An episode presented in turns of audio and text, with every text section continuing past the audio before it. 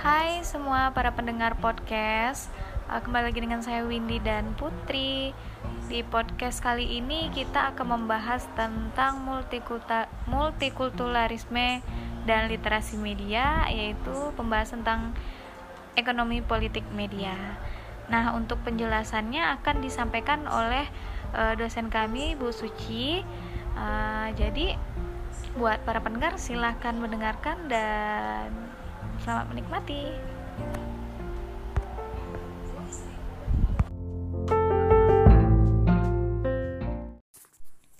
Bismillahirrahmanirrahim. Assalamualaikum warahmatullahi wabarakatuh.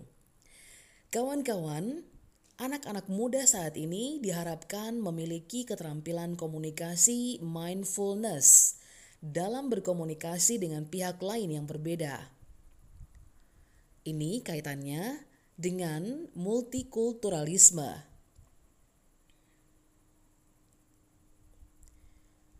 Samovar dan kawan-kawannya dalam bukunya yang diterbitkan tahun 2010 mengemukakan bahwa ada dua tujuan penting dalam pendidikan multikultural. Yang pertama, mengajarkan budaya orang lain tanpa stereotip yang kedua, mengajarkan budaya seseorang tanpa pandangan negatif. Multikulturalisme dapat dipahami sebagai perspektif yang menjadi kerangka kerja atau kerangka acuan dalam mengakui eksistensi berbagai budaya pada sebuah komunitas atau organisasi. Nah, dalam konteks ini, maka pengakuan adanya keragaman budaya di dalam masyarakat atau bangsa yang pluralis seperti Indonesia menjadi sesuatu yang tidak dapat dikesampingkan. Anak-anak muda, khususnya mahasiswa, perlu memahami tentang kerangka acuan multikulturalisme dalam komunikasi antar budaya. Pemahaman ini sangat penting ya untuk anak-anak muda dalam bersosialisasi dengan kelompok sebaya atau per grup. Karena kawan-kawan akan bertemu dengan orang-orang lain yang berbeda budaya, karena perbedaan bangsa, perbedaan etnis, perbedaan ras, dan juga perbedaan kelompok sosial. Peluang generasi milenial untuk berkomunikasi dengan orang yang berbeda budaya semakin besar karena tidak terbatas pada interaksi tatap muka, namun juga melalui media baru berbasis teknologi informasi dan komunikasi, berbasis teknologi digital, seperti melalui media sosial. Nah, bagi generasi milenial, peluang untuk bertemu dengan banyak orang dari budaya yang beragam semakin besar. Sehingga tidak jarang ya, interaksi tersebut menimbulkan perselisihan, kesalahpahaman atau miscommunication sehingga acuan multikulturalisme untuk berkomunikasi secara kompeten semakin diperlukan.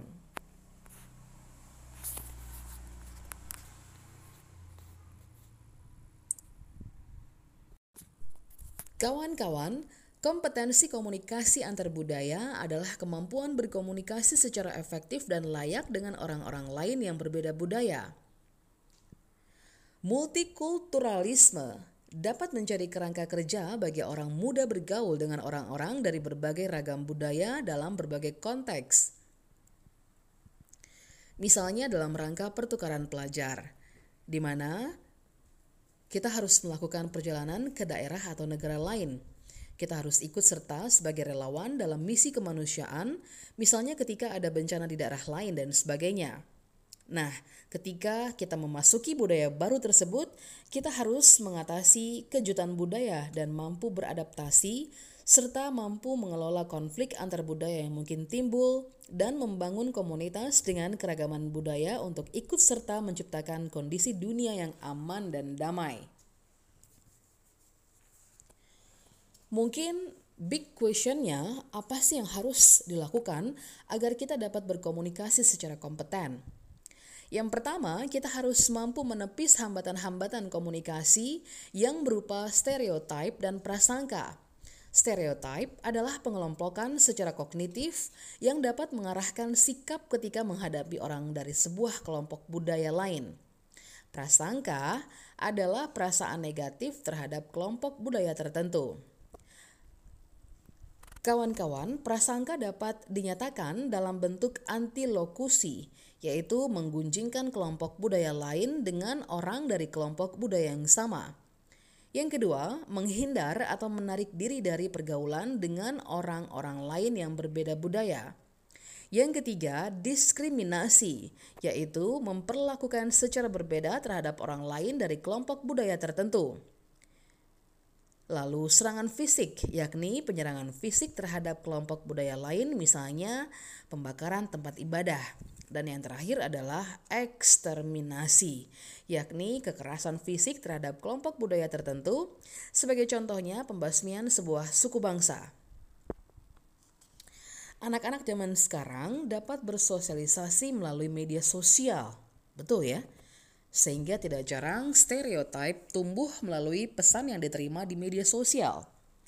Pengetahuan tentang kelompok budaya lain tumbuh dari sisi negatif yang berupa marginalisasi atau menyudutkan kelompok tertentu. Misalnya yang berbasis pada agama atau etnisitas. Ketika berkomunikasi dengan orang lain pun akan cenderung untuk mengaitkan seseorang dengan keanggotaannya di dalam kelompok ada kecenderungan untuk mengeneralisasikan dan kemudian menjadi hambatan untuk mengenal secara personal. Misalnya, menumbuhkan pemahaman bahwa orang dari kelompok tertentu pelit, tidak jujur, atau suka ingin mengetahui urusan orang lain. Kepo. Sebagai contoh, munculnya gambaran sempit terhadap etnis Cina dengan karakter pelit kelompok etnis ini sering ya menjadi sasaran stereotip di media. Dalam hal prasangka, media sosial dalam bentuk grup misalnya digunakan untuk mempergunjingkan kelompok budaya lain sehingga tumbuh perasaan negatif terhadap satu kelompok budaya. Multikulturalisme dapat menjadi acuan untuk menepis hambatan-hambatan komunikasi antar budaya, seperti stereotip dan juga prasangka tersebut. Dengan acuan multikulturalisme, kelompok muda ini tidak akan takut melakukan komunikasi antar budaya. Mereka dapat berinteraksi dengan orang-orang lain yang berbeda budaya. Ada banyak manfaat ya yang dapat diperoleh dalam interaksi dengan orang lain yang berbeda budaya. Antara lain adalah memperkaya wawasan kita. Anak-anak muda harus mampu berpikir dalam berbagai perspektif dan tidak terjebak sebagai orang yang hanya berwawasan satu dimensi. Misalnya, hanya dari sudut pandang budayanya saja, seperti budaya yang berbasis dari agama atau kelompok etnis. Hal ini bisa memunculkan kecenderungan untuk rasis dan etnosentris. Rasisme ini adalah kepercayaan terhadap superioritas yang dimiliki sebuah ras dan cenderung mengakui adanya ketidaksetaraan antar manusia sehingga dapat diperlakukan kelompok lain secara buruk berdasarkan ras, warna kulit, agama, negara asal, nenek moyang, atau orientasi seksual. Etnosentrisme adalah pandangan bahwa budaya sendiri lebih unggul dibandingkan budaya yang lain, sehingga ada kecenderungan untuk menilai budaya orang lain dengan standar yang budaya yang dimilikinya. Kawan-kawan sekalian, multikulturalisme sebagai acuan dalam berinteraksi antar budaya menjadi semacam pengendali untuk berhati-hati dalam bermedia sosial sehingga tidak menyuburkan hambatan-hambatan antara budaya. Kalau kita menerima pesan stereotip ya kita menjadi tidak mudah untuk menyebarkan atau sharing ke orang lain dan demikian juga ketika menerima pesan yang berpotensi menumbuhkan prasangka. Selain itu, anak-anak muda juga perlu mengembangkan pemikiran yang kritis. Pemikiran kritis bisa diperoleh dengan memperkaya wawasan, dan wawasan diperoleh dari belajar tentang budaya-budaya yang berbeda.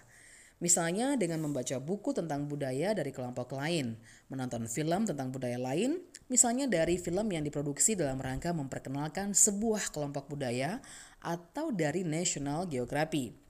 Ya, pokoknya anak-anak muda dapat melakukan banyak hal termasuk juga mungkin traveling lintas budaya untuk mendapatkan pengetahuan budaya lain sekaligus juga untuk memperkuat identitas diri. Dari traveling lintas budaya, anak-anak muda dapat berperan dalam mendorong pendidikan multikulturalisme. Caranya, misalnya dengan mendokumentasikan perjalanan, melakukan capture foto-foto dengan gawai yang menunjukkan sebuah kebudayaan, membuat vlog yang mendeskripsikan dengan narasi tentang budaya tersebut, lalu diunggah ke YouTube atau menyebarkan foto-foto melalui media sosial seperti Instagram. Ya, potensi keragaman media sosial dapat dimanfaatkan ya sesuai dengan kelebihan karakter masing-masing media dengan konten yang sesuai.